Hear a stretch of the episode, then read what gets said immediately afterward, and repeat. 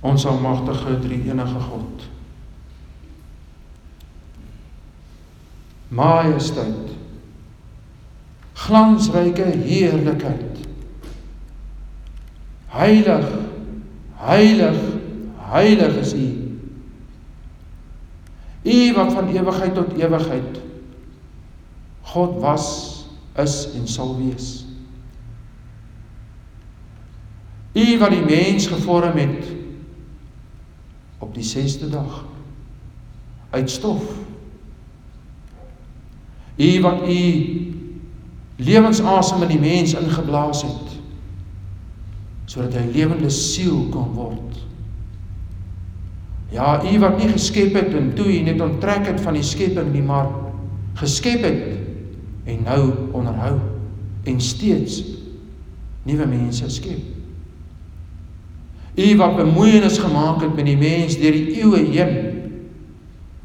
Maak nie saak dat die sondeval gekom het nie. Maak nie saak dat die ou duiwel probeer om in u kinders se lewens ook lustige planne te saai en hulle te probeer wegdraai van u af nie. U bly geduldig in die mensdom. U bly vergewe. Soos ons sê in die gesang wat ons nou gesing het, ek weet verseker Jesus is Heer. Hy het my sonde uit liefde vergeef. Here dan sien ons ook saam met dit alles hoe u ook moedeloosheid en depressiefheid wegneem. Hoe u mense ophelp wat geval het. Hoe u mense dra deur alles. En hoe u mense geestelik en fisies versterk om weer te kan opstaan. Daarom bid ons dat U ons nou sal lei hier wanneer ons uit die woord uit gaan lees. Juis oor 'n groot man in die geskiedenis, seker een van die grootste profete wat ooit geleef het, wat absoluut in die grond was. En hoe hy hom opgebeur het. En hoe hy hom bemoedig het en versterk het. En ons juist kom bid dat U ons help om ons ore, ons oë en ons verstand te open. Sodat ons U woord kan hoor en ontvanklik daarvoor kan wees. Spreek ook deur die dienskneg alleen dit wat U vanuit die woord vir ons wil leer. Sodat ons hier kan uitgaan en sê so spreek die Here Here. Dit bid ons alles in die naam van hom wat is. Hom wat was en wat kom, die ewige koning, Jesus Christus. Die redder van ons siele deur die kragvolle werking van die Heilige Gees. Amen.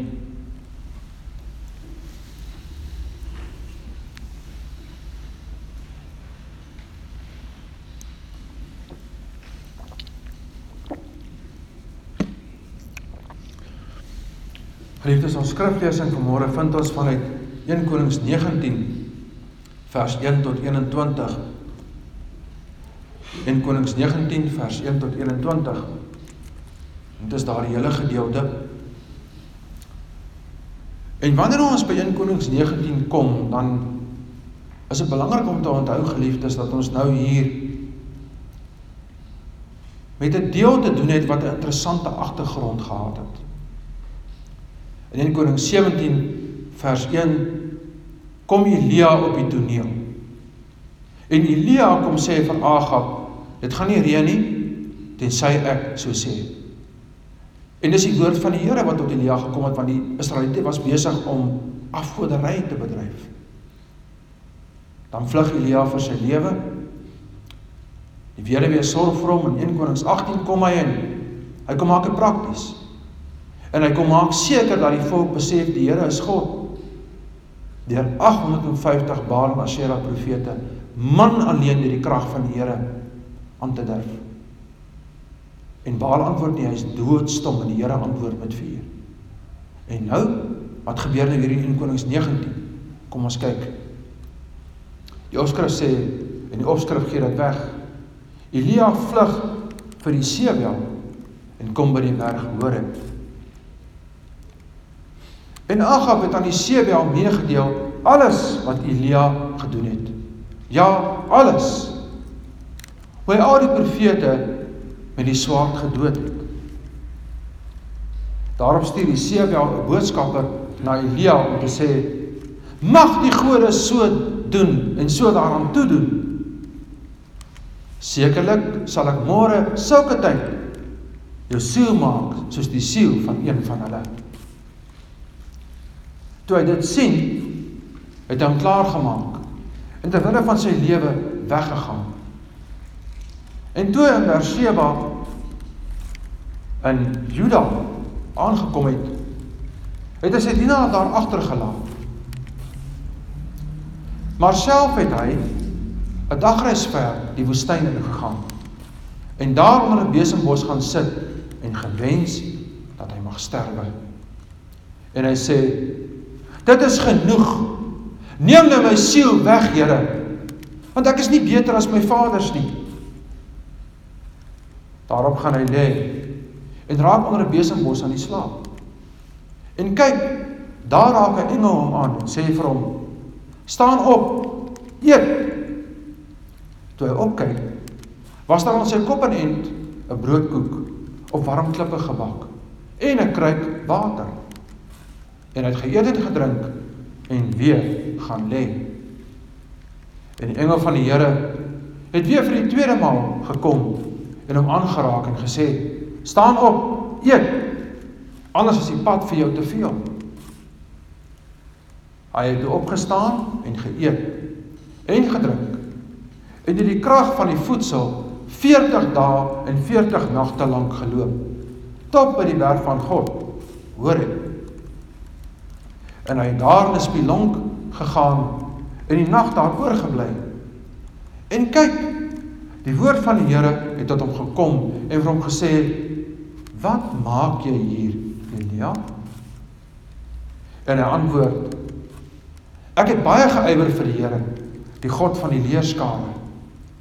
Want die kinders van Israel het u verbond verlaat, u altaar afgebreek en die profete met die swaard gedood, sodat ek alleen oorgebly het." En hulle soek my lewe om dit weg te neem. En hy sê: "Gaan uit en staan op die berg voor die aangesig van die Here." En kyk, die Here het verbygegaan. Terwyl 'n groot en sterk wind die berge skeur en die rotse verbreek voor die Here uit. In die wind was die Here nie. En na die wind 'n aardbewing. In die aardbewing was die Here nie. En na die aardbewing 'n vuur. In die vuur was die Here nie. En toe na die vuur 'n gesuis van 'n sagte koelte. En toe Elia dit hoor, het hy sy gelaat met sy mantel toegedraai en uitgegaan en by die ingang van die spilonk gaan staan. En daar kom 'n stem na hom wat sê: "Wat maak jy hier, Elia?" En hy antwoord: "Ek het baie geëiwer vir die Here, die God van die leerskare. Want die kinders van Israel het u verbond verlaat. U altaar afgebreek en u profete met die swaard gedood, sodat ek alleen oorgebly het. En hulle soek my lewe om dit weg te neem." Maar die Here sê vir hom: Gaan terug op jou pad na die woestyn van Damaskus en gaan heen en salf Hasael as koning van Aram. En jou, die seun van Nimsi, moet hy salf as koning van Israel. En Elisa, die seun van Safat uit Abel-Mehola, moet jy salf as profeet in jou plek.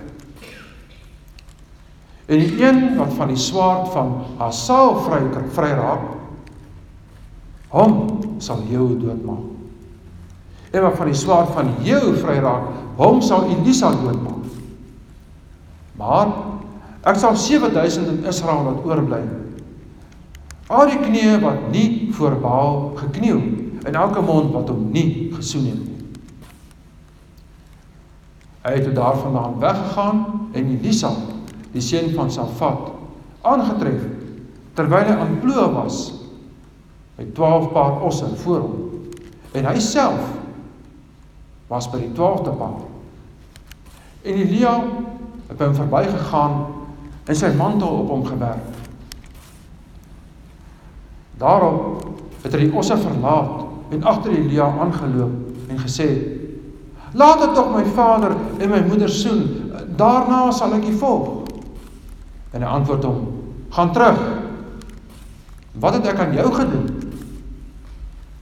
Hy draai toe agter hom om en neem die paar osse en slag dit. En met die osse se trekgoed het hy die vleis vleis gekook en aan die mense gegee en hulle het geëet. Daarna het hy hom klaar gemaak en Elia gevolg en hom gedien. Tot sover is ons saam met die woord van die Here vanmôre. As teksverse kyk ons na vers 4 tot 7. Daar staan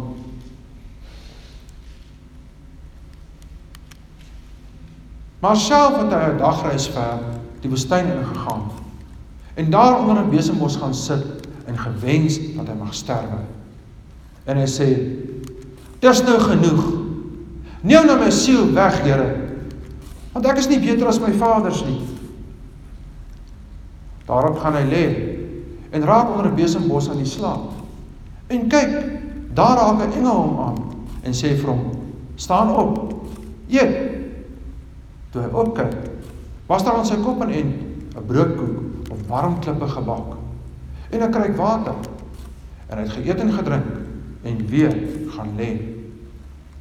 En die engel van die Here het weer vir die tweede maal gekom en hom aangeraak en gesê: "Staan op, eet. Anders is die pad vir jou te veel."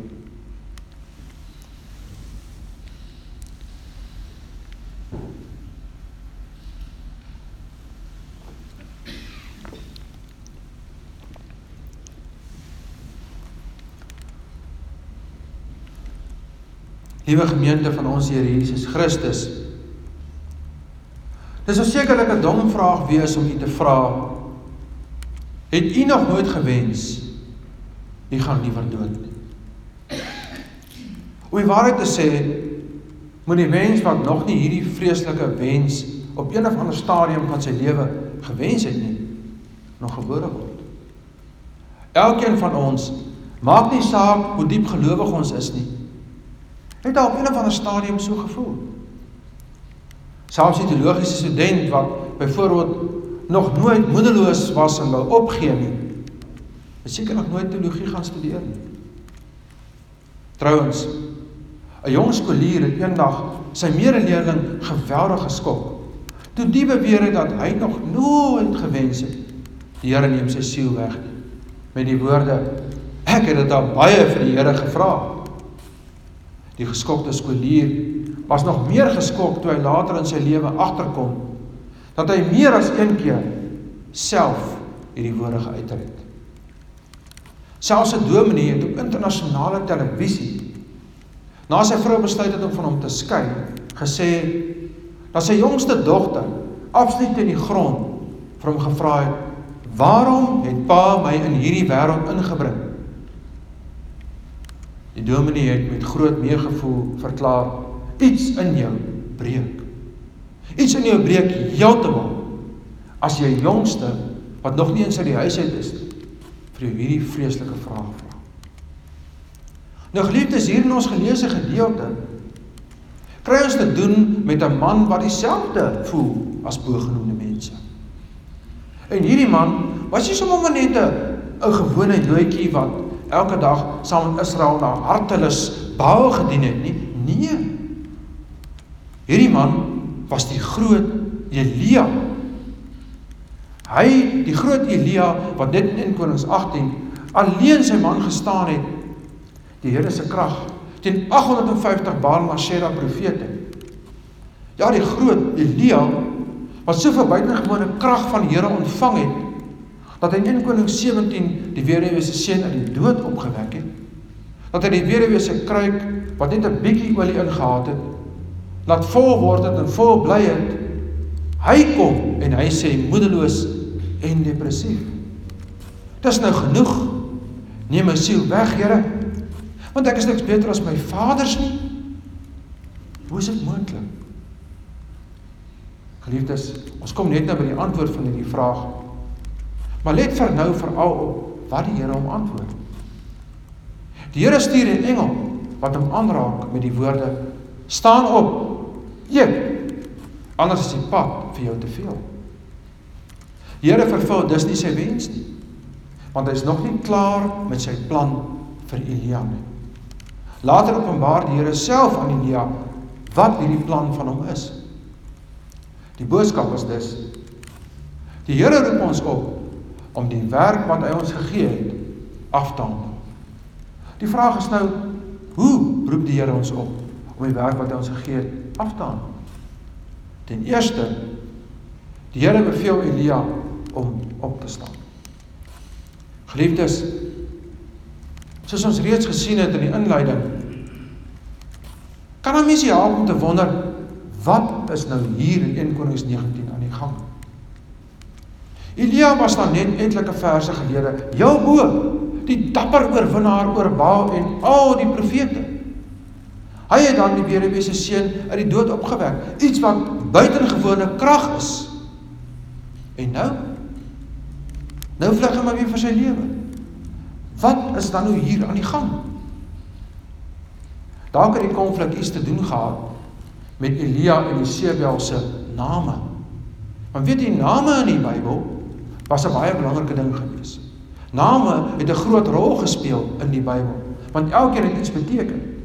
Dis nie soos hedendaagse gevalle waar sommige mense name uitdink en goedjies bymekaar las nie. In die Bybel se tyd het elke naam iets beteken. Die naam Jesewel beteken waar is die prins? Teenoor Elia wat beteken die Here is my God. Dus die bose staan lynreg teenoor die goeie. En tog, selfs as mens dit nou gesê het, sal daar mense wees wat sê maar hulle kan nie verstaan wat nou met Elia aangaan nie. Hulle dink hy tree nou regtig soos 'n lafaard op. Hierdie selfde man van God wat met soveel ywer vir die Here geveg het, hoe kan hy dan vlug? Geliefdes, dis net waar hulle die fout maak. Elia vlug nie omdat hy 'n lafaard is nie. Ja, die politieke situasie tel teen hom. Die sewe soek sy lewe, maar angs is nie sy hoofrede nie. Trouwens, dit weer voorkom asof selfs Isebel was 'n bietjie skrikkerig is vir Elia. Maar sy stuur nie iemand om hom net dood te maak op die plek nie. Sy stuur net 'n ou boodskappertjie om te sê môre sulke tyd sal ek jou siel maak soos een van die gode se.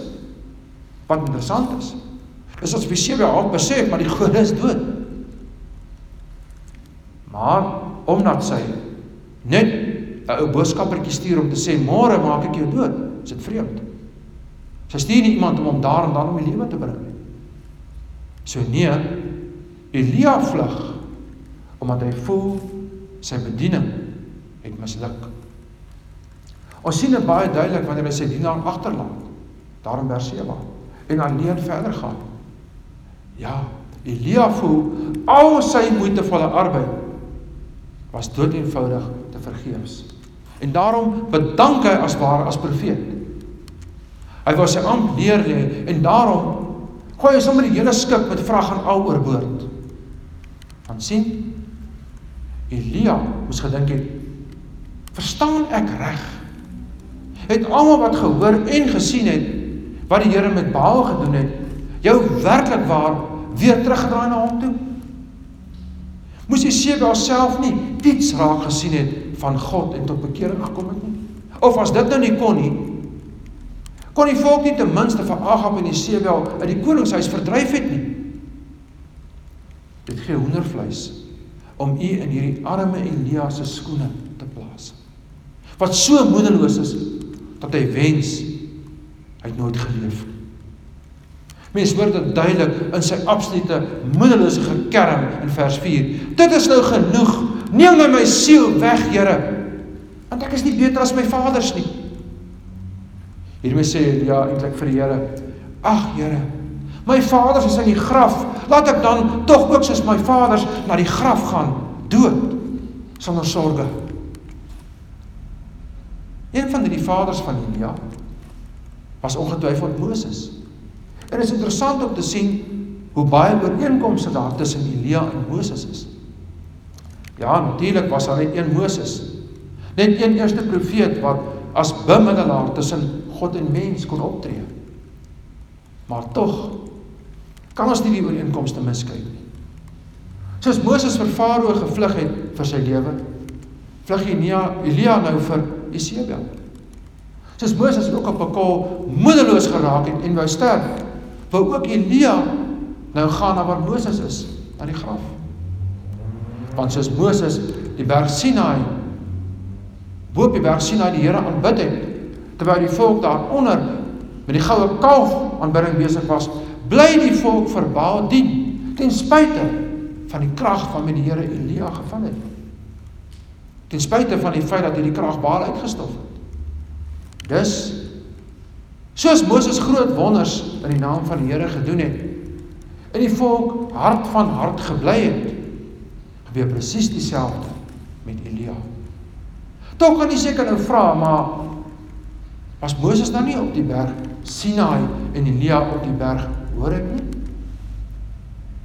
Die belangrike om hier raak te sien geliefdes is dat geleerdes oor die algemeen die berg Sinai en die berg Horeb bestempel as dieselfde liggaam, dieselfde berg met net verskillende name.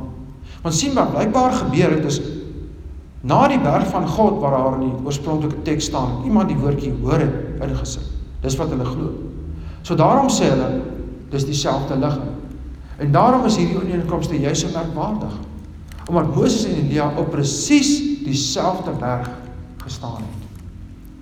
Maar aan die positiewe kant, soos die Here vir Moses versterk het, versterk hy ook vir Elia. Net nie mond tot mond soos met Moses se geval nie, maar deur die engel. Wanneer Elia dan onder die besembos in die slaap raak, kom die engel en raak hom aan met die woorde: "Staan op." Die reis van Elia na herstel om liggaamlik en geestelik deur die Here versterk te word, het pas begin. Ten tweede, die Here beveel Elia om te eet. Geliefdes, Elia het agter nie net die woorde staan op gehoor nie. Hierdie woorde het hom wel moed laat skep. Maar die Here weet dat Elia liggaamlik uitgeput was. Want sy kragte het ingegee na hy 'n dagreis ver gestap het. Daarom kom die woord eet direk na die engel vir hom gesê het om op te staan. Elia moes seker baie nuuskierig gewees het en gewonder, wat is daar om te eet? Interessant. Hy kyk op en wat sien hy? 'n Broodkoek op klippe gebak en 'n kruik water. Nou geliefdes vir ons vandag mag dit klink soos doodgewone voedsel. Want brood en water is nog maar vir baie van ons 'n laagklas ding. Maar ons moet onthou dat hierdie voedsel in die eerste plek hemelse voedsel was. Dit was reguit van die hemel en nie bloot net aardse voedsel nie. In die tweede plek het 'n dominee eendag baie humoristies gestel dat water eintlik smaakloos is. Maar beslis nie vir 'n ou wat 20 dae in die woestyn was nie. En waar is Elia nou? In die woestyn. So wat beter as water? Wat 'n boonop hemelse water was om hom te versterk en te verfris. Die interessante is egter geliefdes dat ons sien Een keer se eet en drink was nie genoeg vir Elia. Dit kom sê vir ons hoeveel sy kragte ingegee het. Sy kragte het nie die eerste keer weer herstel nie. Hy het weer gaan lê. Eers na die tweede keer het Elia so sterk geword dat hy 40 dae en 40 nagte geloop het tot by die berg Horeb. Dit bewys vir ons hoeveel krag hierdie voedsel liggaamlik vir Elia gegee het. Hierdie voedsel het vir 'n man wat eens plat in die grond was, ongelooflik baie krag gegee om 40 dae ver te kon stap. Die interessante hier is die berg waarin Elia geloop het, was nie net dieselfde berg waar Moses die Here ontmoet het nie. Maar daar was ook 'n ander interessante ding oor hierdie berg. Van die afgode is geglo dat hulle mekaar op hoë berge ontmoet, ver in die noorde soos Jesaja 14 en Psalm 48 dit stel. Nou hierdie berg hoor hy waarin Elia geloop het was in die suide. So hy loop in 'n ander rigting as waar die heidense gode se berg was. Duidelik vir hom om so ver te kon loop was Elia nou liggaamlik versterk. Maar was hy geestelik toe reeds sterk genoeg? Ons sien ten derde die Here verseker Elia dat hy nog 'n lang en ver pad moet stap. Geliefdes in die Here Jesus Christus, maar die engel van die Here het nog iets vir Elia kom sê. Hy gee 'n rede waarom Elia moet opstaan. Dit is om te eet. Maar hy gee ook 'n rede waarom Elia moet eet. As hy nie eet nie, sal die pad vir hom te veel wees. Here liewe broers en susters, lê twee geweldige betekenisse. Nie net moet Elia fisies ver stap soos ons nou gesien het nie, maar hy moet ook geestelik gevoed word. Want sien, die Here se plan met hom is nog lank nie klaar nie. Al lyk dit vir Elia absoluut so. Nee. Die Here het nog werk vir hom. Sy moet ook geestelik nog 'n ver pad stap. Wanneer Elia dan dus by die berg kom en in die spilonk gaan skuil, kom vra die Here vir hom hierdie merkwaardige woorde. Wat maak jy hier, Elia? Elia antwoord dan dat hy baie geëiwer het vir die Here. Maar die volk het drie vreeslike dinge gedoen. Hulle het die Here se bond verlaat en verbreek. Sy altare afgebreek en sy profete laat doodmaak. En nou nou soek hulle ook nog Elia se lewe om dit weg te neem. Dan beveel die Here Elia om uit te gaan en op die berg top te gaan staan voor die aangesig van die Here. Hier beleef Elia drie groot geweldige kragte van die Here. Hy beleef 'n stormwind wat die rotse uitmekaar uitskeer. Hy beleef 'n aardbewing en hy beleef vuur. Maar nie in een van hierdie drie was die Here nie. Toeskielik hoor Elia die gesuis van 'n sagte koelte. Toe hy dit hoor, maak hy sy gesig toe met sy mantel en hy gaan weer uit. Hoekom? Want om voor die Here te verskyn was 'n gewaagte ding geweest. Daarom het hy sy gesig liewer toegemaak. Dis veiliger. Nou geliefdes, om hierdie twee verse te kan verstaan, waarom Elia die een oomblik buite was en toe weer binne in die spilonk, is eintlik taamlik maklik. Heel moontlik het die het die drie vorige kragte, die stormwind, die aardbewing en die vuur, Elia so verskrik dat hy liewer weer in die spilonk ingegaan het. Nog 'n inkoms met Moses. Moses het gesidder van angs by die berg Sinai toe die Here by hom verbygegaan het. Daar in Eksodus 33.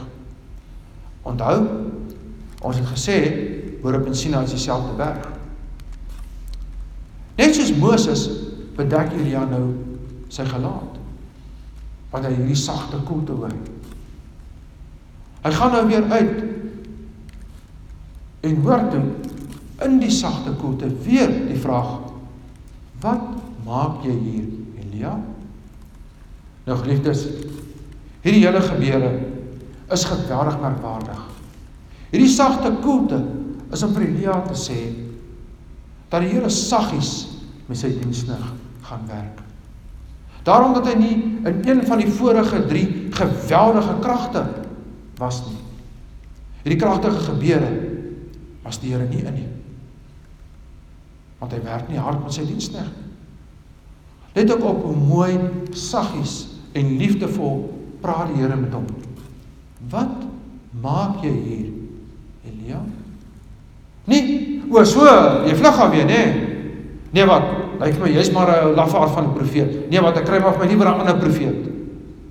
Nee, geliefdes. Nee. Dis mos nie hoe ons Here is nie. Hy kom vermaan saggies met sagte, tere begrip en liefde vir Elia. Hy kom sê eintlik vir Elia dat waar hy nou is en waar hy behoort te wees nie reg is nie. Hy beveel Elia dan om terug te gaan na sy land, Daar waar hy behoort te wees. En Here beveel dit nie sommer net en laat Elia nou wonder maar wat gaan nou gebeur as hy maar sien wat gebeur nie. Nee. Hy gee hom drie groot opdragte. Hy moet Asael as koning oor Aram salf, Jehu as koning oor Israel en Elisa as profeet in sy plek. Alles kom daarop neer dat die Here die heeltyd opvolgers vir elke persoon aanwys. Wie Asael ontvlug, hom maak Jehu dood. En wie Jehu ontvlug, hom sal Elisa doodmaak. En sê die Here, as dit nie genoeg is nie, sal hy nog 7000 in Israel laat oorbly. Wat die knie net voor hom wat die Here is, sal buig. Eers nou, liewe broeders en susters, was Elia geestelik versterk. En sonder om 'n oomblik langer te huiwer of 'n woord verder met die Here te spreek, gaan hy dadelik terug en voer sommer op sy pad terug reeds die opdrag uit om Elisa as sy opvolger te salf. So geliefdes, wat sê dit vir ons vandag? Daar moet ons net so vinnig op Isebel fokus. Die feminisme, dis nou die mense wat reken dat die die vrou is op gelyke vlak as die man en word daarna gekom. Hulle meen dis 'n groot belediging vir vroue dat so bose vrou soos Isebel in die Bybel is. Die feit is egter dan kon ons net sowel gesê het maar Agab is daarom 'n verskriklike belediging vir die manne. Hoekom is hy dan in die Bybel? Boonop as jy sê daar nie al bose vroue in die Bybel nie. Wat van Herodias daar in die Nuwe Testament wat Johannes die Doper laat onthou het. Agab was ook die enigste slegte man in die Bybel. Wat van Judas? Deur Jesus se verraaier. Maar weet jy vir elke Isebel is daar 'n Deborah 'n leier vir die Here. Vir elke Herodias is daar 'n Maria, 'n kind van die Here. Soos daar vir elke Agab 'n Elia en vir elke Judas 'n Johannes was. Die feministe moet dus liefdevol reggehelp word. Elke bose mens wat God se toorn ontvlam. Elke goeie mens van guns in God se oë. Daarom gaan dit nie hier oor 'n belediging van een of ander geslag nie, maar 'n belediging van God. God se eer is op die spel. Ongeag manlik of vroulik. Net in 1 Konings 17 lees ons dan hoe 'n weduwee vir Elia sorg. 'n Heidense weduwee verheerlik die Here. Dus kan die feminisme se kritiek nie geregverdig word. Maar steeds bly die vraag Wat sê die teks vir ons vandag? Nou geliefdes, so baie mense wil tog net graag wonders en tekens sien. Net die mag van die bonatuurlike beleef. Wanneer dit nie gebeur nie, eh, dan draai hulle sommer weg van die geloof af. Die ironie is egter net soos nog Israel en Isebel beweeg was deur die kragtige dade van God was die skare in Johannes 12 hoe genaamd die beweeg deur Jesus se wonders nie. Nie eens toe daar in Johannes 12 vers 28 'n stem in die hemel vir die skare spreek. Wat soos 'n donderslag geklink het vir party en vir ander weer geklink het soos 'n engel wat met hom gespreek het. Nie eens dit maak indruk op die skare. Nee. Wat nodig was in Elia se tyd in die Here Jesus se tyd en in ons tyd vandag is die woord van die Here.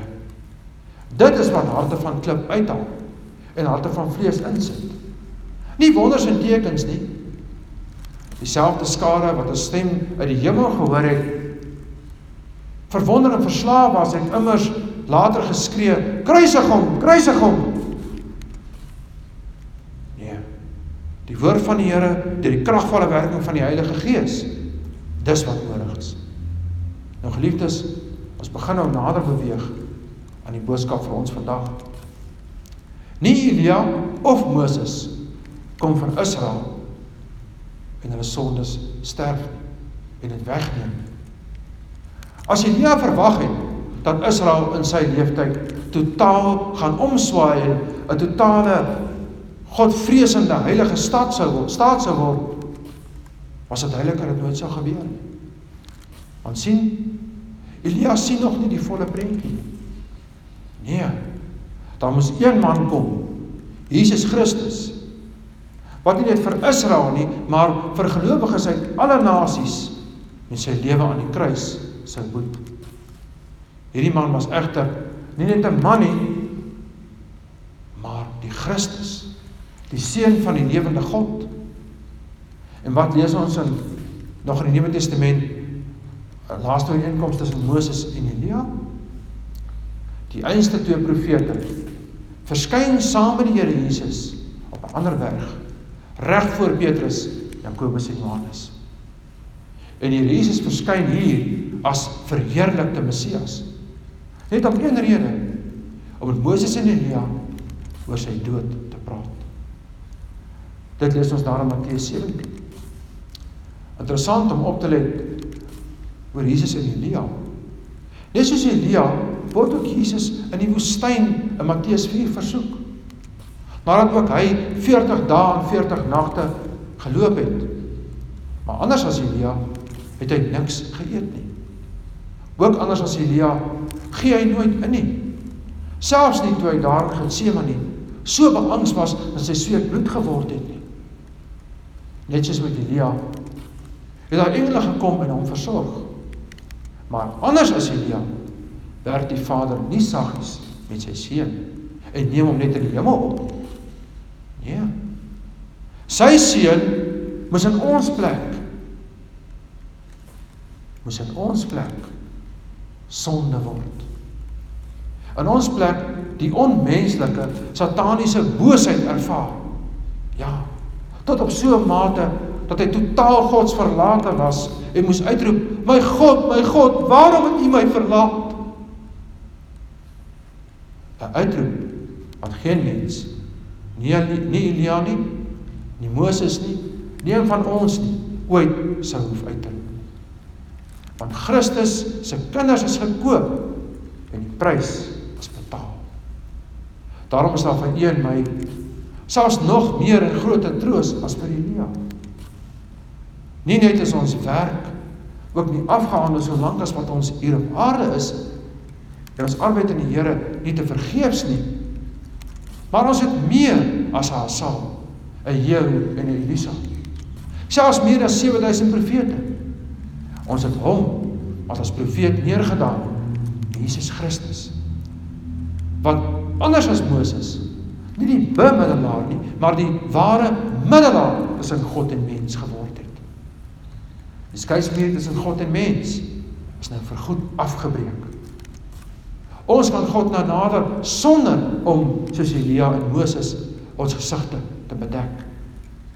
Want die lam het ons nou regverdig verklaar vlekkeloos voor sy troon. En net soos Elia sê hy vir ons my kind.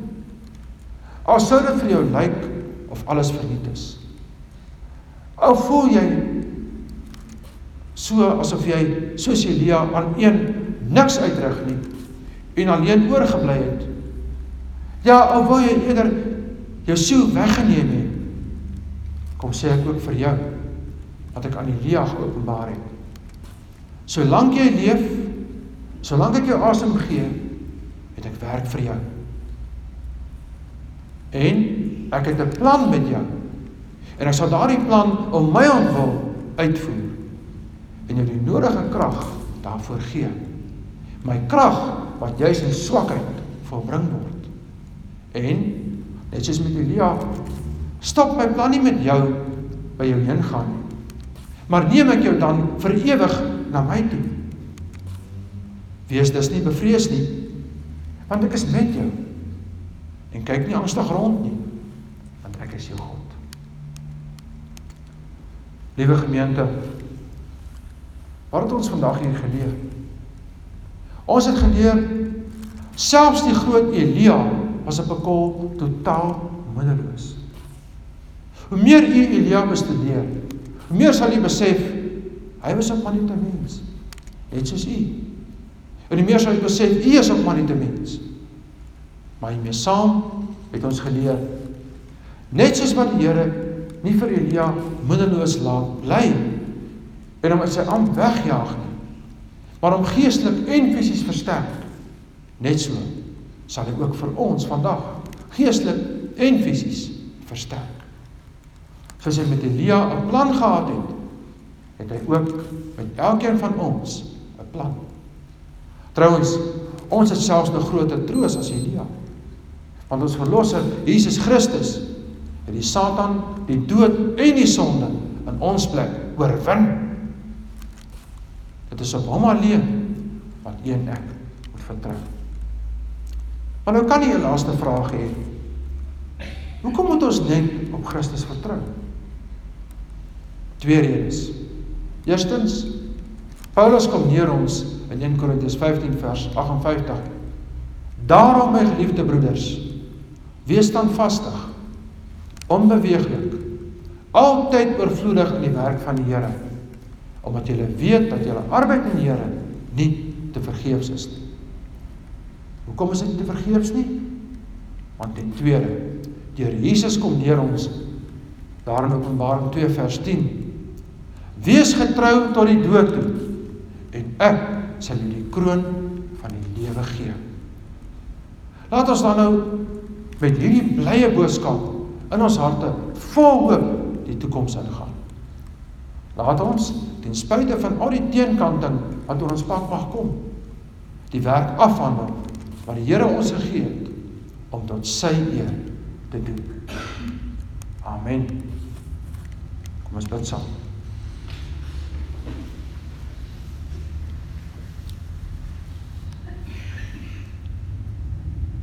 Ons almagtige drie-enige God. Hier aan een kant kom staan ons sprakeloos voor U. Om te dink dat U so bemoeienis maak met die mensdom deur alle millenniums heen. Waarskynlik ver oor die 3000 jaar. Maar aan die ander kant jubel ons dit uit dat ons verlostes is. Dat ons net soos Elia kan opstaan, kan eet, geestelik versterk kan word. Omdat ons net soos Elia kan weet dat U 'n plan met ons het. Ja Here, net soos wat Elia ervaar het, sien ons dikwels nie die volle prentjie nie. Ons kyk vas in die hier en die nou. Want ons is tydwesens. Maar U is 'n tydlose wese. Daarom Here weet ons dat U die volle prentjie van ons lewens sien. Ons weet dat U voor ons gebore was, reeds bepaal het waar gaan ons wees, wanneer ons daar gaan wees, wat ons gaan doen en selfs hoe ons dit gaan doen. Daarom pleit ons dat U dit is wat U met Elia gedoen het. Ook ons saggies sal vra indien ons nie doen wat U van ons vra nie. Wat maak jy hier, my kind? Sodat ons opgeroep kan word om ywerig vir U te werk en kan wees waar U ons wil hê om te wees. Ja, en Here, baie van ons is nie vandag heeltemal seker waar wil U ons hê nie. Daarom pleit ons dat U ons sal help om in gebed tot U te nader. En onder leiding van U woord en Gees by daardie punt te kom om te wees waar U ons wil hê. Here, dit is nie maklik om daar te bly waar U ons wil hê nie. Daarom vra ons dat as ons daar gekom het dat U ons sal help, die nodige krag sal gee om die werk wat U ons gegee het tot U eer te doen. Want Here, mens hoef nie 'n dominee te wees om vir U te werk nie. Mens hoef nie 'n CV te hê soos die van Elia wat 'n seentjie uit die dood uit opgewek het en wat baie profete oorwin het om vir U te werk nie. Nee.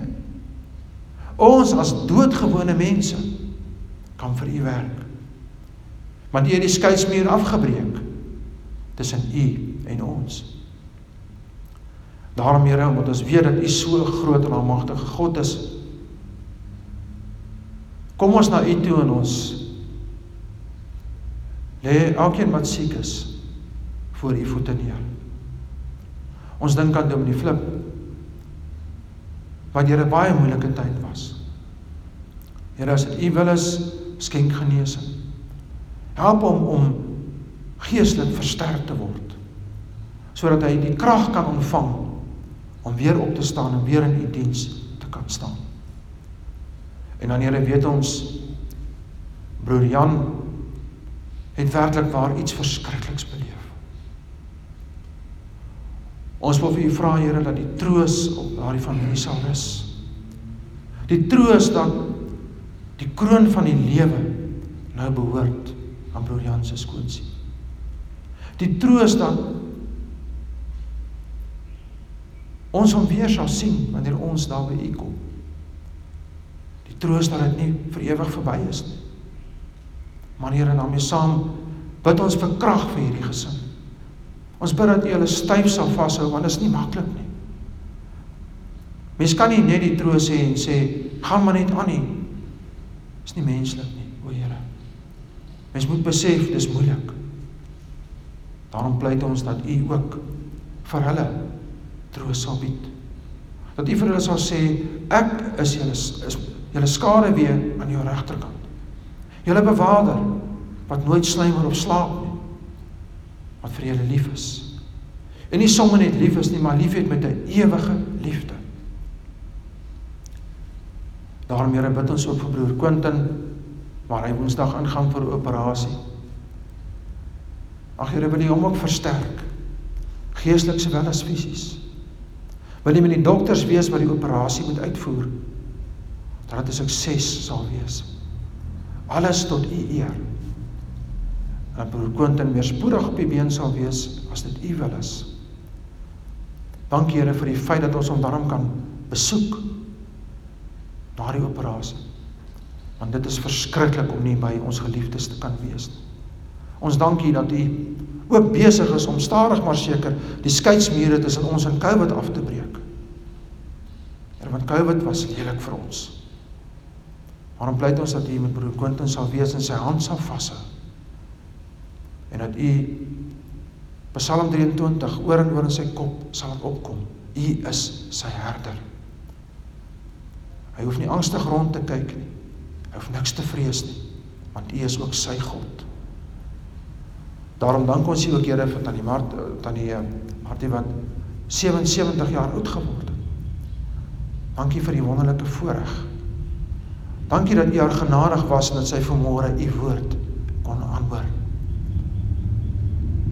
En dan wil U met ons gaan volgende week en as dit U wil is ons weer veilig hier by mekaar kom, by mekaar bring. Vergewe ook asseblief al ons sondes. Alles wat ons teen U en ons naaste gedoen het. Dit bid ons alles in die naam van Hom wat is, Hom wat was en wat kom, die ewige koning Jesus Christus. Hy wat nie net die redder van ons siele is nie, maar ook vir ons werk het om tot sy eer af te handel. En hy wat ons na hom toe sal neem, die kragtige werking van die Heilige Gees. Amen.